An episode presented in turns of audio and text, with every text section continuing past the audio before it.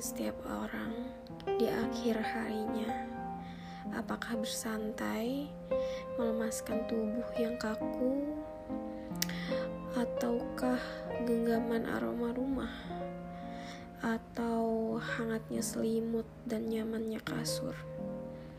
Untuk jiwa yang terus bergerak tanpa genggaman siapa pun, sepi dan sendirian bertahan dari beratnya raga, sembabnya mata, beban yang harus terus bertambah, menyelesaikan hari-hari yang luar biasa.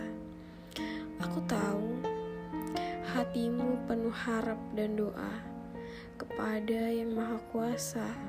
Segala keinginan bukan untuk diringankan, tapi untuk dikuatkan menyandarkan kepala pada bahu, memeluk, menyamakan rasa.